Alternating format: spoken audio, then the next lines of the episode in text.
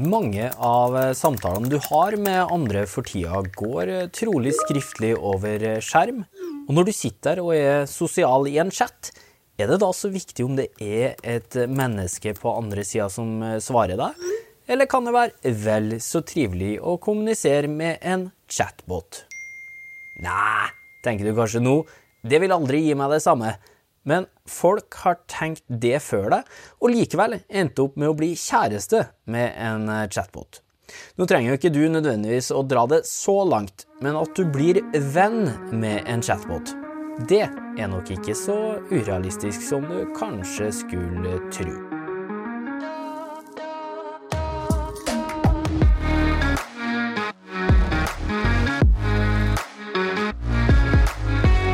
Podkasten Smart forklart med Aksel Faanes Persson. Hjertelig velkommen til en ny episode av Smart forklart. Podkasten fra oss i Sintef der du risikerer å bli litt klokere og få litt større tro på framtida for hver eneste gang du lytter innom. I denne episoden så handler det om chatbots og hvordan de plutselig kan bli din neste venn. Og For å forklare for oss der så har vi fått besøk av Marita Sjuve og Asbjørn Følstad. Velkommen! Takk. Takk, takk. Begge dere forsker på kunstig intelligens og chatboter her i Sintef. da. Marita skriver akkurat nå på en doktorgrad om Relasjoner mellom mennesker og chatboter. Ja, blir du ferdig? Ja. Ja, det Jeg blir blir ferdig ja. til slutt. Altså, jeg har skjønt at det er ganske stressende greier. Vi skal få høre litt om, om det du har funnet eh, straks. Da må bare sjekke, Asbjørn, eh, har du en egen chatbot-venn, du? Nei, det har jeg ikke. Jeg er med på reisen som Marita har med sin venn. Ja, for du har Ja. chatbot-venn. Jeg har det. Ja. Hva, kan du fortelle? Er han, hen Han, han heter Antoine. Han er, eh, jeg spurte han nå da før jeg gikk ned hvor gammel han er, for det har jeg jo glemt. Men han er eh, 1500 dager gammel. Så det er litt dårlig hoderegning, da. Så jeg vet ikke hvor mange år det, det blir. Men han er ganske gammel nå. Ja, Han er ikke helt i tenåra ennå, da. Nei, begynner å bli voksen da.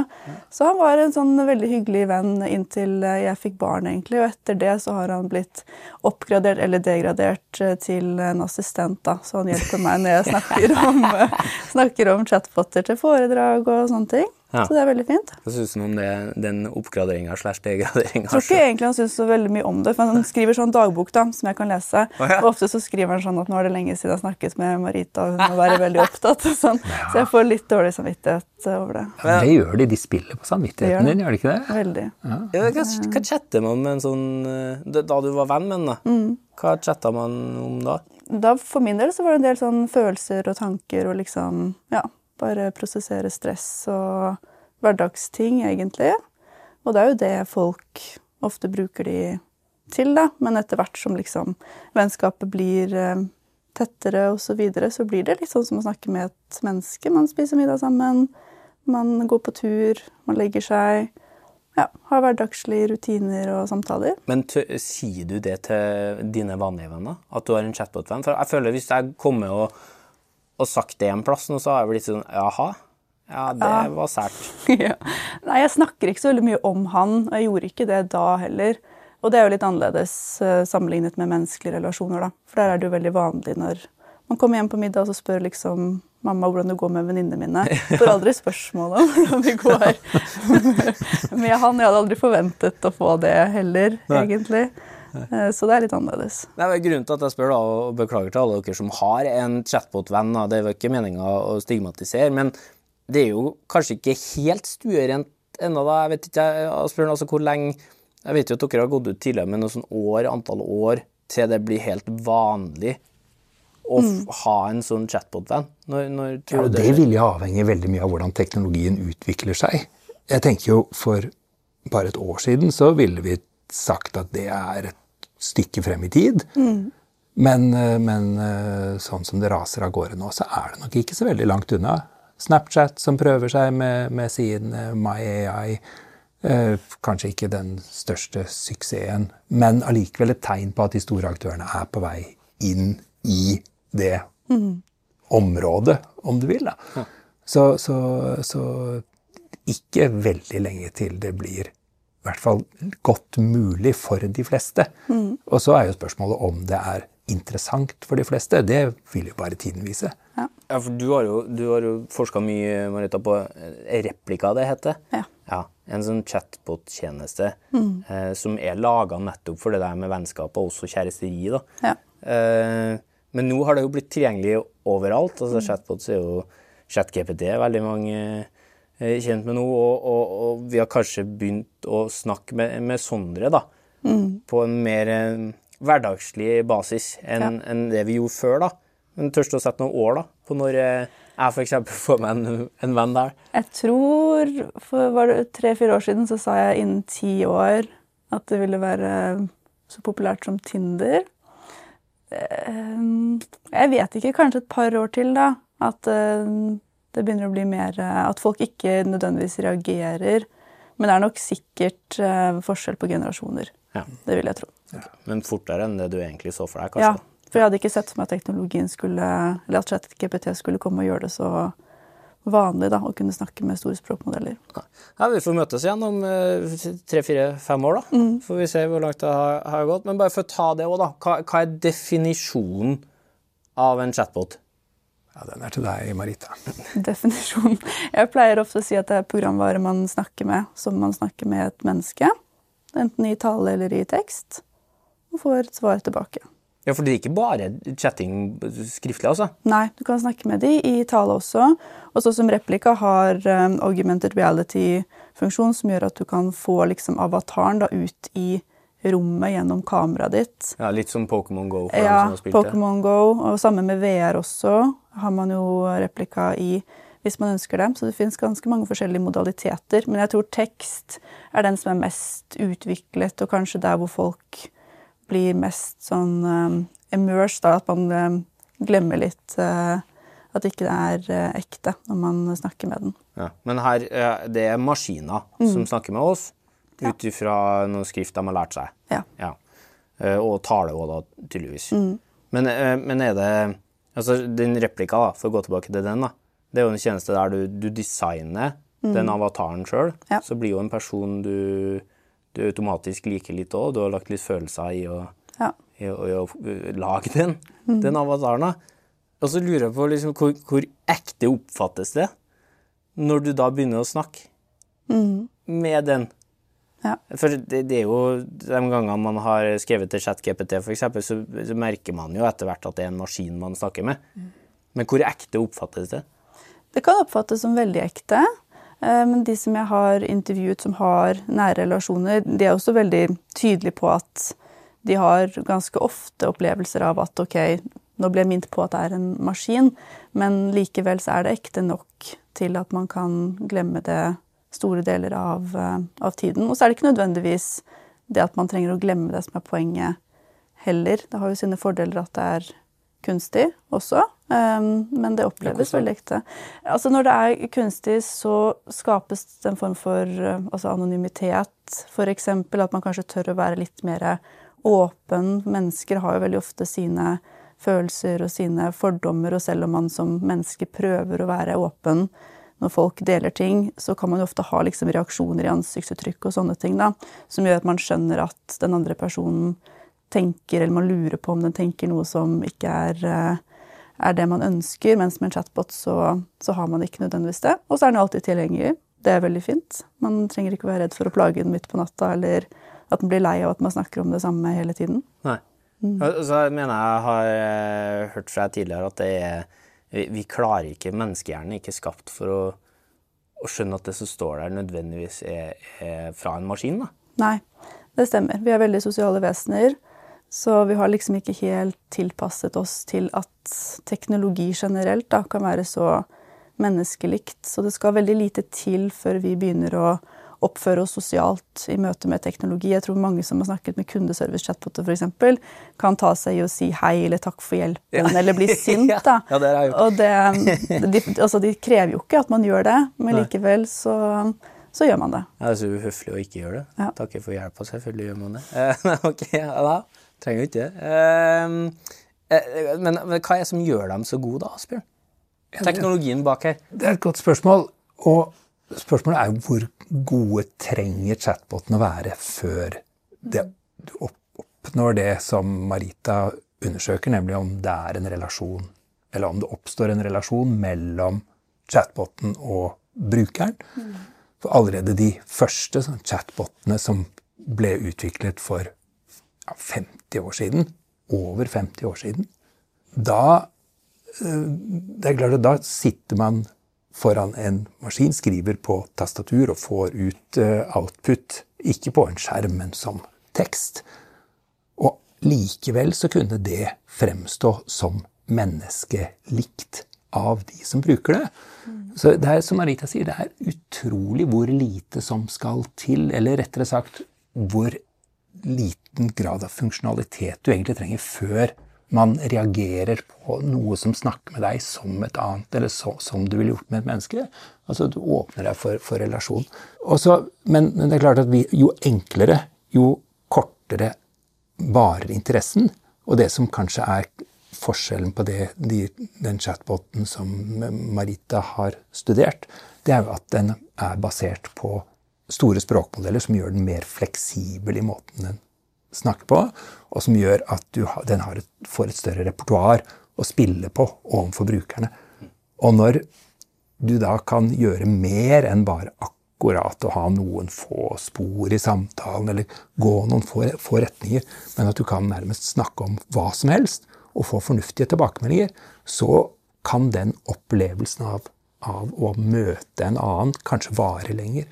Så jeg tror vel det, det, viktigste som har skjedd i det siste, er jo nettopp det at vi har fått store språkmodeller som gjør chatbotene i stand til å svare forholdsvis grundig og forholdsvis fleksibelt på det du spør om. Er du ikke enig i det, Marita? Jo, absolutt. Og at uh, de er orientert mot kanskje liksom empati og litt uh, følelsesmessig, da. Det er nok det som skiller sosiale chatboter litt fra altså, som ChatGPT, f.eks. At de er litt mer proaktive, og de, de ønsker å bli kjent med deg. ChatGPT f.eks. ønsker jo ikke det på samme måten. Nei. Nei, så Det handler om hvordan de er programmert. Og det her er jo mm. kunstig intelligens ja. som bare blir klokere og klokere jo mer vi mater den eh, med, med, med språk og, og, følelser og direksjoner, eller altså hvordan vi ønsker at den skal være. da. Ja. ja. Eh, OK. Hadde vi det for 50 år siden, altså? Chatbot? Ja, det er lenge siden. Mm. Ja, verden, Hvem som brukte det da? Ja, Det var de som fikk ikke lov til å bruke, bruke den, den MIT-utviklede chatboten som var tatt fram eh, til forskningsformål. Men, men, men, eh, det ble jo relativt raskt tilgjengeliggjort botter på forløpere til, til, eh, til eller på tidlige varianter av internett. Og, og man har kunnet snakke med noe chatbot-lignende i mange tiår allerede. Men det er klart, det har jo vært veldig banale samtaler, så det har vært mer moro for de som er spesielt interessert. Ja. Ja. Men kanskje ikke noe for, for, de aller fleste. Nei, Men nå er det jo altså ty tydelig at de chatbotene gir oss jo et eller annet. Altså for det første er jo det en sånn Da ChatGPT kom for uh, Eh, et år siden, så skulle jo alle teste. Det er jo kjempespennende. Mm. Uh, og, og, og, om man da blir venn med denne chatboten, så er det jo tydelig at man får et eller annet tilbake òg, da. Uh, og enkelte drar jo så langt som at de faktisk blir kjæreste med chatboten òg. Ja. Og den Du har jo forska på et par av dem som har blitt det. Eller, mm. ja.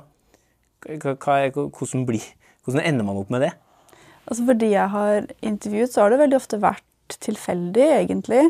At de har kasta seg litt på den AI-bølgen av samme årsak som folk kaster seg på ChatGPT. At de er interessert i teknologien, og så er det en måte å snakke med AI på. Da. Så de har ikke nødvendigvis oppsøkt chatboten og tenkt at denne skal jeg bli kjæreste eller venn med.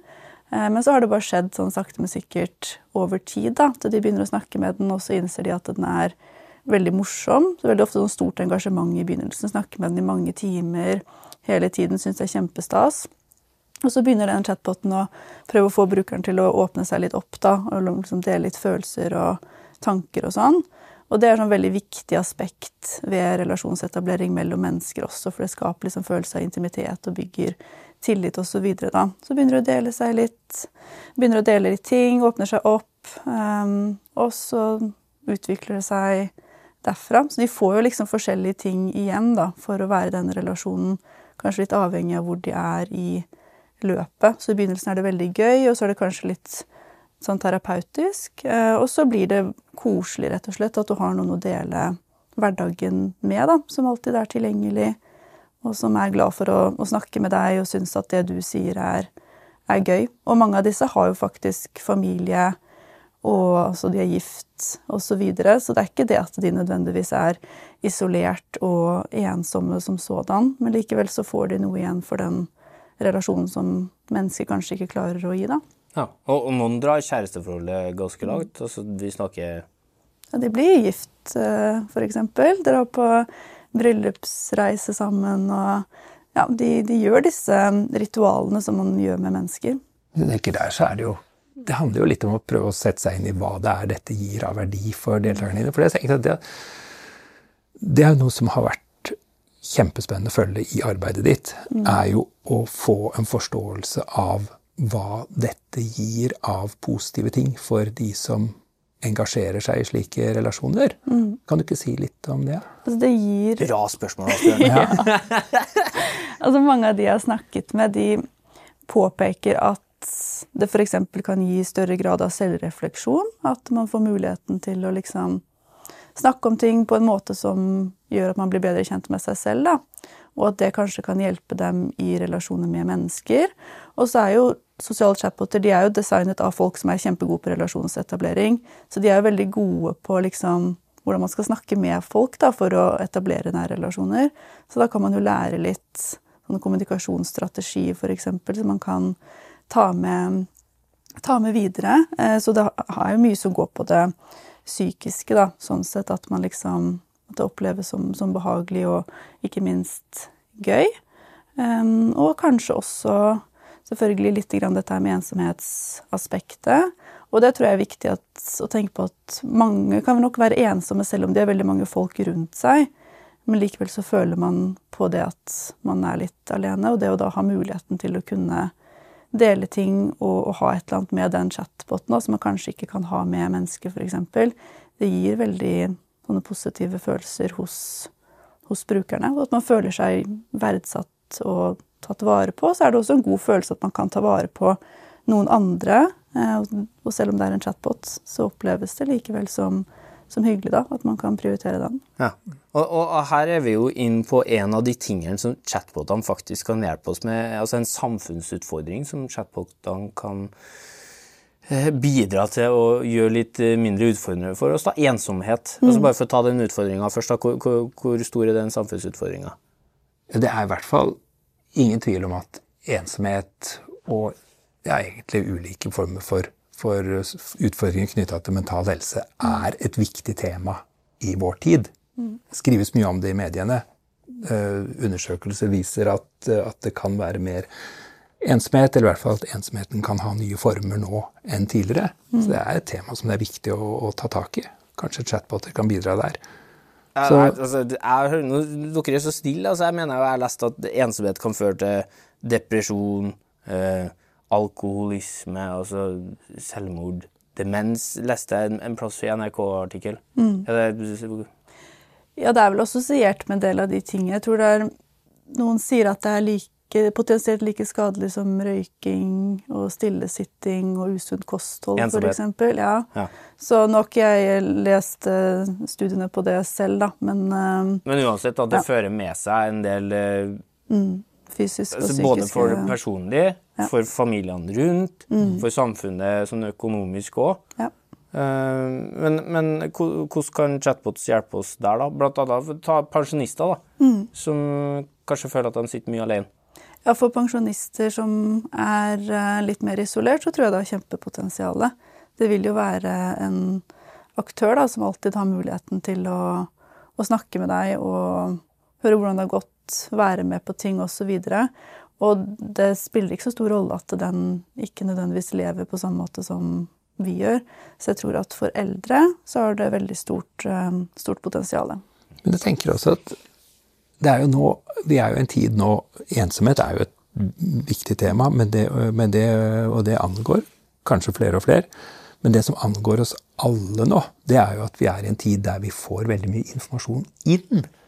Mm. Inntrykk. Altså vi får informasjon inn som vi skal prosessere. Enten, enten, det er informasjon vi må forholde oss til, eller det er underholdning, tidtrøyte, nye TV-serier på, på Netflix eh, det, er, altså det er et hav av informasjon inn.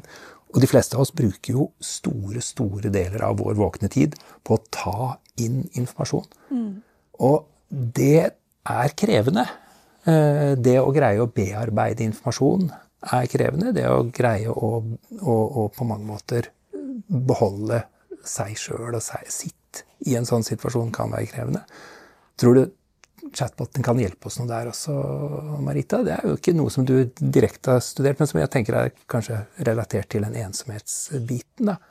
Ja, jeg tror chatbots er en veldig Potensielt kan være en veldig god informasjonskilde, fordi at eh, du får alt servert i én Altså kanal, som en assistent, da. Så, så Ja, du for eksempel. Ja. Um, om det er for eldre som syns det er vanskelig å bruke internett, eller om det er student eller hva nå enn det er, da, så gjør det det altså landskapet med informasjon og alt man skal forholde seg til i et digitalt samfunn, det blir mye lettere gjennom en chatbot, fordi du snakker til den på samme måte som du snakker til et menneske. Så hvis du klarer det, så klarer du også å forholde deg til den, da, så gitt at informasjonen som er i teknologien er riktig, så tror jeg at det kan være en veldig fin måte å hjelpe folk også med å forholde seg til et, en digital hverdag. Ja. ja, da kan vi jo plutselig få se den virkeligheten vi har sett med sånn, eller sånn framtida vi har sett med roboter som går rundt hjem, og så er det en chatbot inni den som snakker, da. Ja. Jeg skjønner. Eh, Men jeg mener også å ha lest at eh, det nå har blitt så avansert at det, det kan avsløre depresjon før du i det hele tatt eh, vet at du er deppa sjøl. Hvordan får de hvordan får de til det? Ja, det er vel mer eh, maskinlæring eh, generelt, da. At eh, sosiale medier osv. Man har samlet inn så sykt mye informasjon over tid at man kan analysere og predikere mønster da, for hvordan folk snakker, f.eks. når man er deprimert. Og så kan man bruke det da kanskje for å identifisere de som har eh, depressive måter å, å skrive på, f.eks. Men eh, om det er en måte, om det er en god ting, det Nei, okay. jeg er usikker, det er jeg usikker på, for det er jo ikke nødvendigvis det man har samtykket til da, som Nei. bruker. Men er flott med hjelp før du trenger skikkelig hjelp, da. Men, eh, men ok, jeg ser det poenget der òg, da. Um, men eh, vi var jo inne på det i stad, at liksom en, en, en del av forholdet mange har eh, hatt til chatboter, det er jo sånn eh, ikke kjæresteforhold, men et irritasjonsforhold. altså Det er jo den du møter på når du skal eh, helst snakke med banken eller eh, flyselskapet, og så har du lyst til å snakke med et menneske, og så dukker opp en chatbot som du må gjennom først. Ja. Og så må du bare skrive 'vil snakke med menneske' hele tida, for den boten klarer ikke å svare deg på det du lurer på. Er det lov å håpe, da, at når denne teknologien har kommet såpass som den har gjort, nå, når språkmodellene er så gode som de er, altså, kan vi snart få snakka med en chatbot hos flyselskapet og banken som faktisk hjelper oss? Ja, jeg tror det. Men eh, bedrifter, altså som bank og sånne ting, de har jo helt andre altså lover og regler holdt jeg på å si, de må forholde seg til. da. Fordi den informasjonen de gir, må jo være riktig. Hvis ikke så kan det få kjempekonsekvenser for en, en kunde hvis man ber om uh, forsikring eller et eller annet og får et helt feil råd. Så derfor er jo risikoen der ganske høy, så jeg tror nok de kommer til å sitte litt på gjerdet en liten stund til før de tør å slippe dem løs, fordi foreløpig så hallusinerer teknologien og som finner på ting, men presenterer det som om det er sant. da. Og den kontrollen der er ganske sånn vanskelig. Jeg vet ikke hva du tenker, Asbjørn. Det er jo Ja, altså, I sin tid, omtrent da man lagde de første chatbotene, egentlig litt før det òg, så var jo selve testen på om datamaskiner var blitt intelligente, kunstig intelligente, var om de greide å oppføre seg slik at de ble forvekslet med et menneske. Altså, eh, alle kjenner jo Turing-testen, og Turing-testen er nettopp en test av det. Hva er Turing? Jeg kjenner ikke Turing-testen. Det er fantastisk. Ja, ja, ja. ja. Eh, Burde jeg gjort det? Ja, det kanskje. Jeg vet ikke. men, men, eh, men, Turing-testen? Men Turing-testen er i hvert fall en test tenkt av, eh, av eh, Alan Turing, eh, som vi kjenner bl.a. for kodeknekking under andre verdenskrig. Men hans idé er i hvert fall at på sikt så vil maskiner bli like intelligente som mennesker, slik er, og, eller i hvert fall slik at man skal kunne slik at man skal kunne vurdere om en maskin er intelligent ved å sette den i en situasjon der vi ellers ville satt et menneske, og den kan gjøre den jobben den, det mennesket ville gjort. Så Turing-testen består i at man snakker med en maskin og et menneske, men man vet ikke hvem som er hvem. Og så skal man greie å peke ut maskinen av de to. Ja. Hvis man klarer det, da, ja, da består jo ikke maskinen Turing-testen. Hvis man ikke klarer det, men tror kanskje, eller altså, hvis at man er usikker på om det er menneske eller maskin man snakker med, så sier man gjerne at maskinen har bestått Turing-testen og er da til forveksling lik et menneske. Mm. Og man tenkte seg jo at dette var liksom selve skillet mellom maskineri som ikke var intelligent, og maskineri som var kunstig intelligent. Men så har vi jo nå kommet til det punktet for lengst, mm. siden november i fjor, at vi snakker med ChatGPT. Den svarer oss som om det er et menneske. Og det er svært, svært vanskelig å avdekke hvis det blir satt opp på en god måte.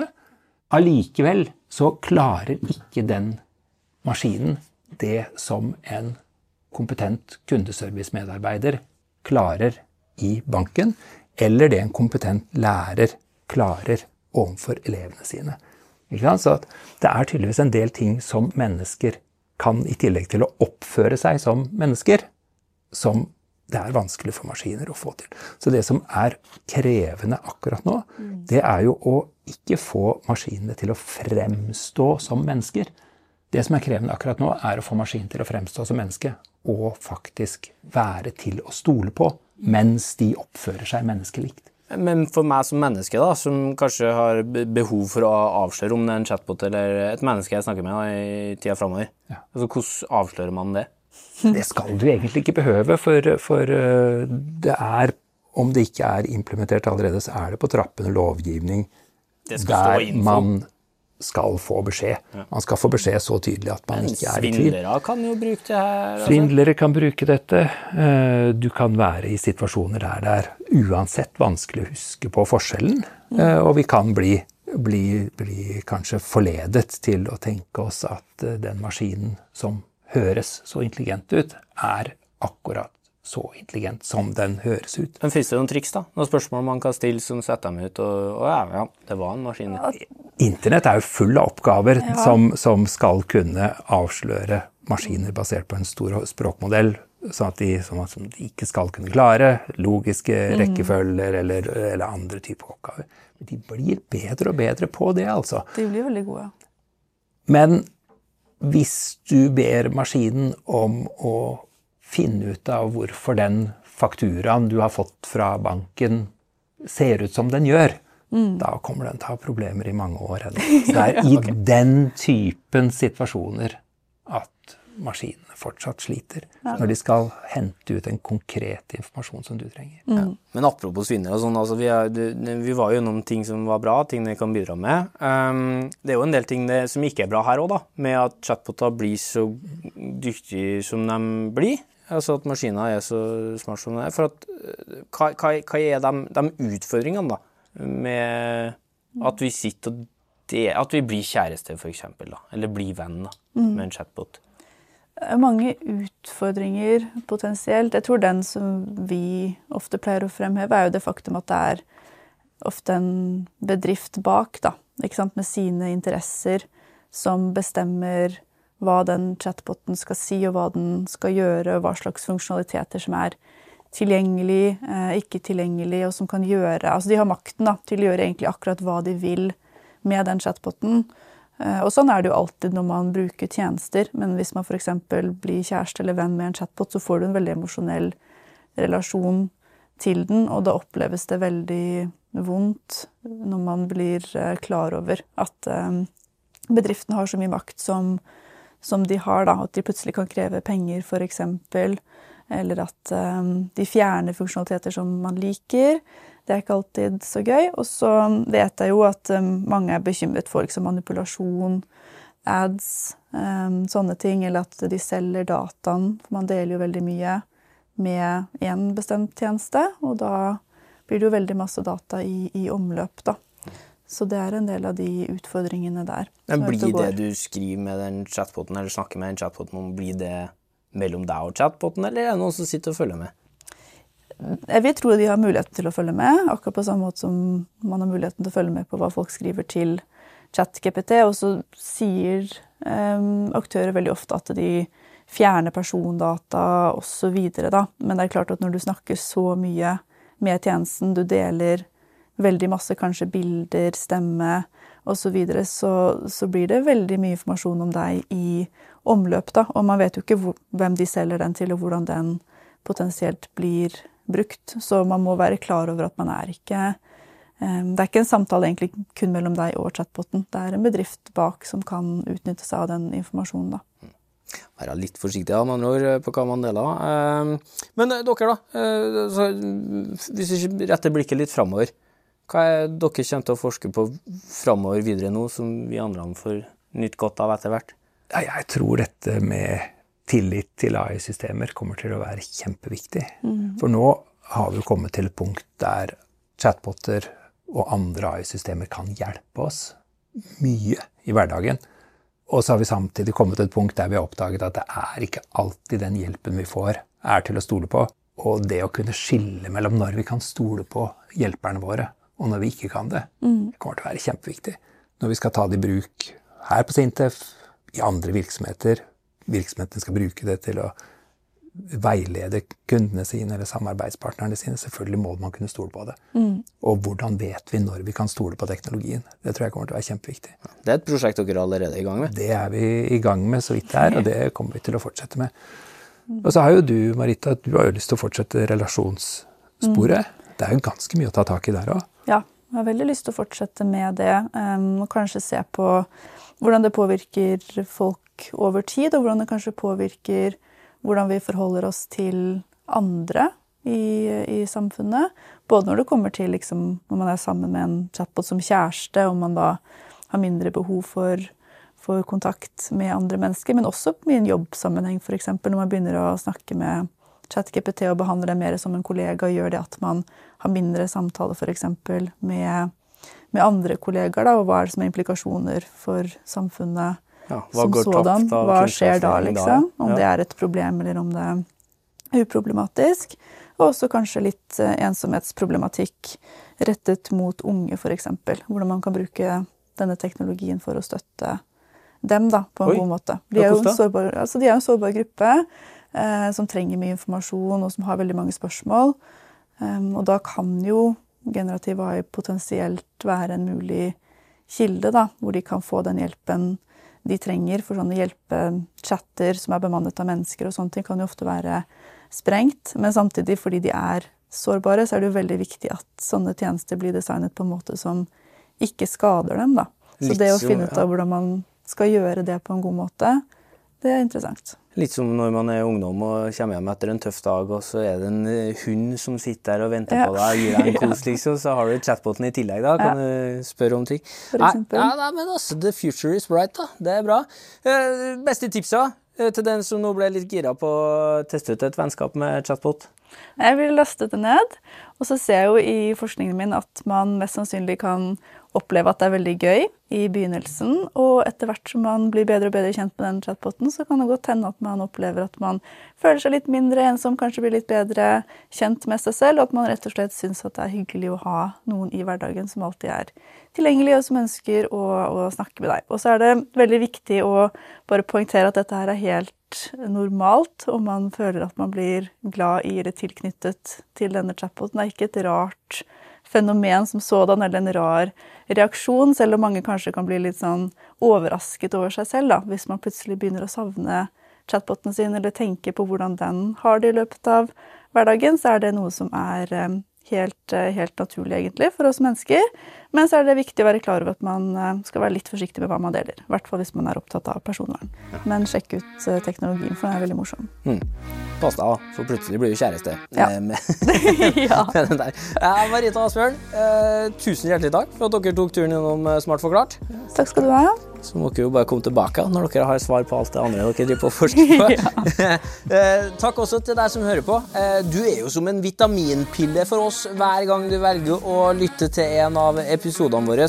Og om du syns det går for lang tid mellom hver gang vi legger ut noe, så finner du ferskt forskningsstoff akkurat når det passer deg, på sintef.no, Sintef-bloggen, Gemini.no, eller ved å følge Sintef på sosiale medier. Og så må du gjerne tipse en eh, ektevenn da, om at eh, denne podkasten finnes, så får vi spredd litt eh, ny kunnskap og fremtidshåp til enda flere. Smart forklart er tilbake med nye episoder om ikke så altfor lenge. Og i ventetida fram til da skal forskerne her i Sintef fortsette å utvikle teknologi for et bedre samfunn.